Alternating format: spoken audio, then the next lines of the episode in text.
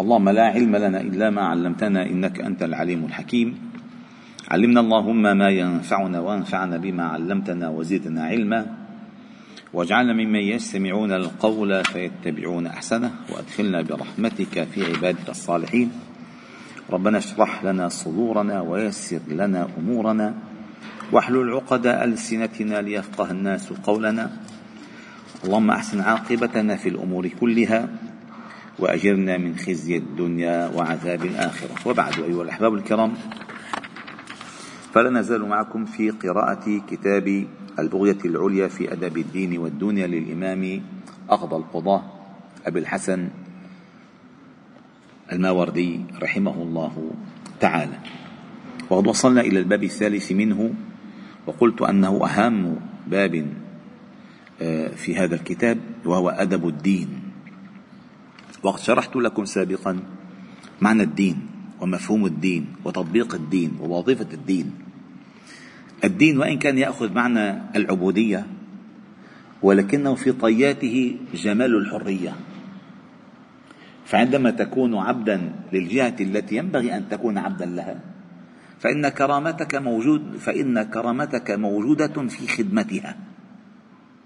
فإن فضلها عليك لا يضاهيها فضل في العالم. لذلك قلت لكم في تعريف العبودية هي كمال التذلل والتحبب لمن له عليك كمال التفضل. فبما أنكم وما بكم من نعمة فمن الله فإذا فإذا ما بنا من كل شيء من الله الأولى أن نتحبب ونتذلل لمن منه صدر الخير. فالعبودية ليست عبودية بشر لبشر كما يريدها فرعون. ما علمت لكم من إله غيري قبل أن أذن لكم. العبودية خروج كما قال المغير بن شعبة لنخرج من شاء من عبادة العباد إلى عبادة رب العباد. هذه إن أعلى مقامات الحرية. أن تشعر أنك عبد لمن يستحق أن تكون له عبدا. يستحق. أما كلما كنت عبدا لما لا يستحق كنت مهانا. فكم يشعر الإنسان بالكرامة عندما يسجد وجهه لله؟ ويقول في سجوده اللهم لك أسلمت وبك آمنت ولك سجدت. سجد وجهي للذي فطره وصوره وشق له سمعه وبصره. سبوح قدوس رب الملائكة والروح.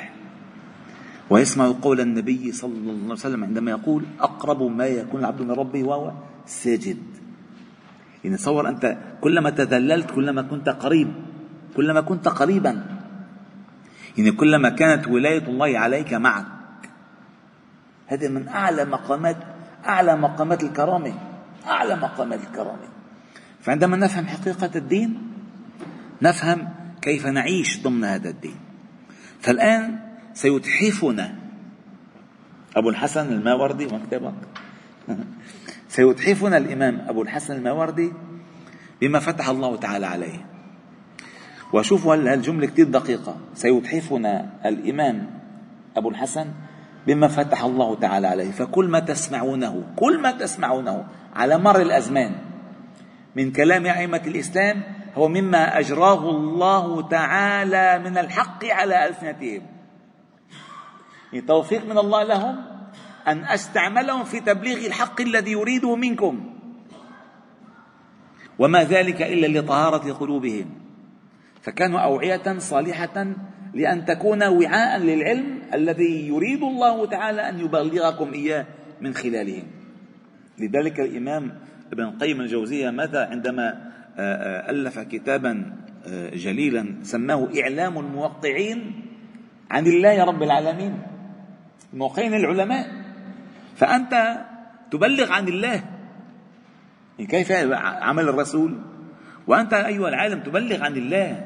فكن حريصا على إيصال المعلومة كما هي. فهو سيتحفنا الآن بما فتح الله تعالى عليه وأجراه على لسانه وأجرى مداد قلمه به. قال رحمه الله تعالى. قال ثم من لطفه بخلقه جل الله تعالى في علاه قال ثم من لطفه بخلقه وتفضله على عباده أن جعل لهم من جنس كل فريضة نفلا.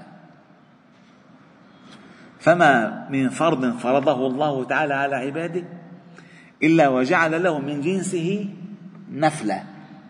ليش؟ ستكتشف كم أهمية النفل الآن والرواتب والقربات. قال وحمل لها من الثواب قسطا. إن جعل أداء الفرض له أجر ونور وداء وأداء النفل له أجر ونور. قال ثم من لطفه بخلقه وتفضله على عباده أن جعل لهم من جنس كل فريضة نفلا وحمل لها من الثواب قسطا وندبهم إليه ندبا وجعل لهم بالحسنات عشرا ليضاعف ثواب فاعله ويضع العقاب عن تاركه. الله الله. وصيانة الفرض بسوار النفل. وجبر نقص الفرض بما تفعله من نفل. إذا النوافل هي لجبر النواقص. والنوافل هي لسد الخلل. فهي, وهي السور المصا... السور اللي تحفظ به أداء فرضك. فإن كان هناك خلل يجبر في النفل كما ورد في الحديث. ومن لطف حكمته كذلك سبحان الله ومن لطف حكمته كذلك أن جعل لكل عبادة عبادة حالتين. وقبل أن ندخل في عالم الحال الحالتين للعبادة أذكر لكم الحديث المشهور الذي رواه الإمام البخاري وهو قوله صلى الله عليه وسلم في حديث قدسي من آذى لي وليا فقد آذنته بالحرب. شوف الحديث ده افتتاحه خطير. من آذى لي وليا فقد آذنته بالحرب. الآن يعرفنا الحديث على آه، آه، درجات الولاية كيف يصل الإنسان إلى الولاية من الله؟ قال وما تقرب إلي عبدي بأحب إلي مما افترضته عليه. إقامة الفرائض. أدي الفرائض تكن أعبد الناس. الفريضة. الفرض الفرض والله لو ما فعله الإنسان وفعل كل شيء سواه ما قبل الله منه صرفا ولا عدلا. أبدا. الفرض هو الأساس. يعني مثلا بمثال آخر. كلفنا مهندس أبو عماد كلفنا مهندس درس هندسة أونلاين. وما وما أخطر هؤلاء النوعية بعد حين. درس هندسة أونلاين. كلفناه يعمر بنية. فأخلى بالحديد والبطون وعمل أحسن شبابيك وأحسن ألمنيوم وأحسن تريات وأحسن دين هزة صغيرة هزة صغيرة كل شيء راح. لا قيمة لكل ما فعل. لا قيمة لكل ما فعل. الأساس غير موجود. الفرض هو الأساس الذي تبنى عليه النوافل. فإذا فرط الإنسان بالفرائض فلا قيمة لنوافله. أبدا. لذلك قال العلماء من شغل بفرضه عن نفله فهو معذور. ومن شغل بنفله عن فرضه فهو مغرور. قام الليل كله تسبيح ودعاء. قبل الفجر بربع ساعة فع الشمس. راح الفرض وقام الليل ما استفدت شيء يا حبيبي. راح الفرض راح الحضور. الحضور راح. ها؟ وما ولا يزال عبدي يتقرب إلي بالنوافل حتى أحبه.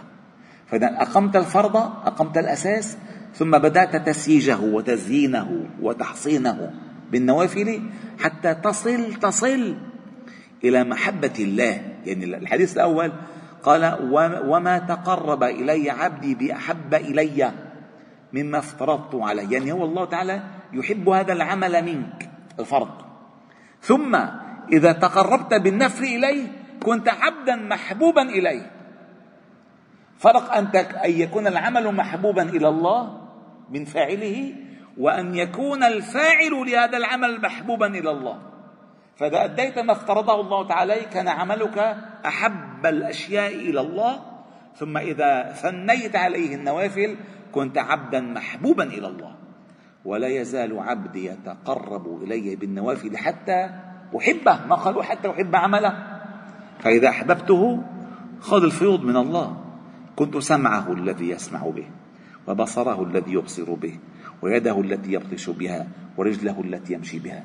هذه الأمور التي يتكون منها الإنسان سمعا وبصرا ويدا ورجلين حركة.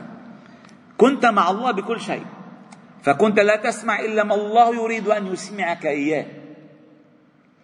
كنت لا تتكلم إلا بما الله يريد أن تنطق بالحق به. كنت لا تعطي أو تأخذ إلا بما أراد الله من حل أو حرام. كنت ولا تمشي إلا بطاعه الله. كنت فيما يرضي الله. كان الله وليك وكان الله وليه كان الله وليك في كل ما تفعل.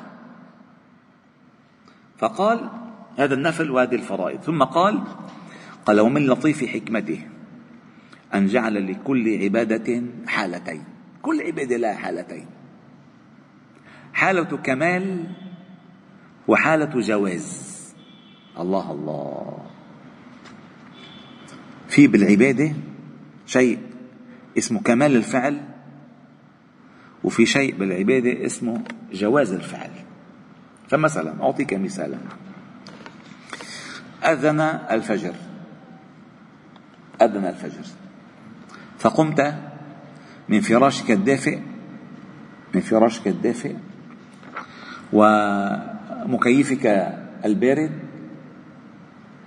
قمت تركت كل شيء. فتوضأت وصليت ركعتين قبل قبل الفجر ثم أديت النفل سنة الراتبة في في البيت أو في المسجد. ثم اتجهت مسرعا بخطواتك التي يخط الله تعالى لك من خلالها النور. بشير المشائين في الظلمات إلى المساجد بالنور التام يوم القيامة. ثم وصلت إلى المسجد باكرا. ثم وصلت إلى صفوفه الأولى انتظرت الصلاة فصليت فأديت صلاتك فأديت أذكارك وأديت ما عليك أن تفعله ثم عدت إلى بيتك. هذا فعل كمال العبادة. الجواز أذن أمت ده ساعة بي ربع ساعة للشمس صليت سبحت نمت. هذا جواز. هذاك الكمال. والنبي صلى الله عليه وسلم عندما سئل أي الأعمال أحب إلى الله؟ قال الصلاة على وقتها. وفي رد الإمام علي في أول وقتها. ليش؟ لأن عندما قال حي على الصلاة من سيأتي السابقون؟ السابقون أولئك المقربون. أنت السابق. أي أديت الفعل حيث ينبغي أن يؤدى في أول فعله. بتلاقي مثلا هلا بالسوق بيروحوا الناس أول النهار بياخذوا وجه السحارة. مزبوط آخر النهار شو بتاخذ؟ المجعلك النايم الهلكان وأسعار أرخاص بس ما في طعمة. نفس الأمر بالعبادة. تأتي فتسبق فتأخذ فتلحق. هذا الأصل. السبق بالسبق. تريد أن تكون عند الله من السابقين؟ تسابق. تسارع تنافس في هذه الطاعات. فالله يريدك أن يراك في أول وقت ناداك. في أول وقت ناداك. صار مثلا واحد ناد... ناد... بالدنيا بالدنيا. ناداه أبوه أو نادته أمه. يابا ياما أجابها بس بعد ما خلص اللي بإيده. ربما هي عطشانة. ربما هو ما يقدر يقوم. ناداه. بعد ما أن انتهى من شغله. أما لو نادى ناداه فأتاه مسرعا.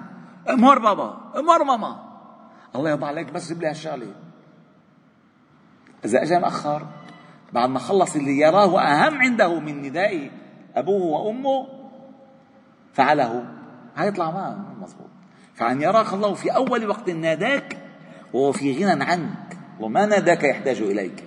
بل يريدك أن يعطيك من جزيل فضله في أول الوقت. فأفضل الأعمال على أول الوقت. تأخذ كل شيء. كل البركة والله لا يشعر بذلك إلا من, من لزم ذلك. كل البركة في الحركة عندما تكون في أول الوقت في, في الطاعة. وبعد ذلك تجد البركة في كل شيء. أما المسبوق لن يلحق شيئا. لن يلحق شيئا. فقال هنا قال من لطيف حكمته أن جعل لكل عبادة حالتين حالة كمال وحالة جواز. رفقا منه بخلقه. لأن من أدى من أدى الصلاة في وقتها وليس في أولها سقط عنه الفرض. ربما كان معذورا ربما كان نائما ربما كان مشغولا. ولكن الكمال في الأول. قال رفقا منه بخلقه لما سبق في علمه أن فيهم العجل المبادر والبطيء المتثاقل ومن لا صبر له على أداء الأكمل. وهذا حالهم على الصراط. عندما ينصب الصراط ينصب الصراط على متن جهنم. يعني تحته جهنم هذا الصراط يلي بده يودي على على الجنة. هذا الصراط آه، أحد من السيف وأدق من الشعر. وتحته الملائكة بالكلاليب. عم تلقط. يا لطيف بالله منظر. ويكفي لهيب جهنم من تحت. لهيب جهنم من تحت. فمنهم من يمر يمر عليه كالبرق. كالبرق. ومنهم من يمر عليه كالريح. ومنهم من يمر عليه كالجواد المسرع ومنهم من يمر عليه راكدا ماشيا متباطئا يقع يقوم على حسب حاله في إقباله. على عبادة ربه في الدنيا؟ كيف بتكون؟ بتكون. سبحان الله. الجزاء من جنس العمل كيف بتكون؟ بتكون. لذلك ورد أنه في في الأضاحي يختار الإنسان ورد في بعض الآثار يختار ال ال ال الأكمل في الأضحية لأنه ورد أنه ينتظره على الصراط. هذا اللي نقيتني يلا أركب علي. أما وين؟ ما لا ما اول فرشتان حتوقع أنت وياه. أنت وياه حتوقع. فالمتساقل متباطئ نعم. ومن بخل فإنما بخل عن نفسه سبحان الله. قال آه، وعلم في لما في سبق في علمه أن فيهم العجل المبادر والبطئ المتساقل ومن لا صبر له على أداء, الأكمل. ليكون ما أخل به من هيئات عبادته غير قادح في فرض ولا مانع من أجر. ما راح ما راح أجر فرضه ولكن راح الأكمل عنده. فكان ذلك من نعمه علينا وحسن نظره إلينا. فكان أول. ليش؟ لأن أولا إذا خرج الوقت خرج الفرض ما اسمه بقى قضاء اسمه بالحكم الفقهي قضاء. بس هو فات الفرض خلص فات الفرض ما بدك ترجع له أبدا. تقديم مشان تخفف عنك العذاب. بس هو فات الفرض أول أحسن آخر مشان لا تعذب بتركه. فويل للمصلين الذين هم عن صلاتهم ساهون. عن صلاة أي يؤخرون الصلاة عن وقتها. فقال فكان أول ما فرض بعد تصديق نبيه صلى الله عليه وسلم عبادات الأبدان. أول شيء بالعبادات هي عبادات الأبدان. وقد قدمها على ما يتعلق بالأموال. لأن النفوس على الأموال أشح وبما يتعلق بالأبدان أسمح وذلك الصلاة والصيام. فالصلاة والصيام عبادة أبدان من عبادة أموال. والزكاة والحج عبادة أموال وأموال بأبدان. فقدم عبادات الأبدان على عبادات الأموال. لأن بعمل بعمل جابتك خمسين قفل صبطات على الجيبة. خمسين قفل ما بيمد. لك هويهم. لك شم الهواء شوي صغيرة ما بيهويهم. ثقيل. ومن يبخل فإنما يبخل عن نفسه فقدم الصلاة على الصيام. لأن الصلاة أسهل فعلا وأيسر عملا. وجعلها مشتملة على خضوع له وابتهال إليه. هذا أجمل العبادات على الإطلاق الصلاة والله. ليس بعد جمال الصلاة جمال. والله. والصلاة هي أصلح الأعمال. فإن صلحت صلاته صلح سائر عمله. وإن فسدت صلاته فسد سائر عمله. الصلاة هي الأساس عماد الدين. ركن ركن ركن القبول. ما عنده صلاة لا يلتفت. يسأل أول ما يسأل عن أول ما يسأل عن عمله عن صلاته. فإن نجح بكمل الأسئلة. ما نجح خلص. طلعوا برا. يا لطيف. قال فالخضوع له رهبة منه والابتهال إليه رغبة فيه. ولذلك قال النبي صلى الله عليه وسلم إذا قام أحدكم إلى صلاته فإنما يناجي ربه فلينظر بما يناجيه أي بالكيفية التي يناجيه فيها. وقال الإمام علي بن أبي طالب رضي الله تعالى عنه أنه كان كلما وروي عنه أنه كلما دخل عليه وقت صلاة اصفر لونه مرة واحمر أخرى. فقيل له فقال أتتني الأمانة التي عرضت في السماوات والأرض والجبال فأبين أن يحملنا وأشفقن منها؟ وحملتها أنا فلا أدري أأسيء فيها أم أحسن. ونكمل إن شاء الله تعالى هذا الباب لأهميته في اللقاء القادم. بعون توفيقه والحمد لله رب العالمين. سبحانه وبحمدك نشهد أن لا إله إلا أنت. نستغفرك ونتوب إليك. وصلي وسلم وبارك على محمد وعلى آله وأصحابه أجمعين. والحمد لله رب العالمين.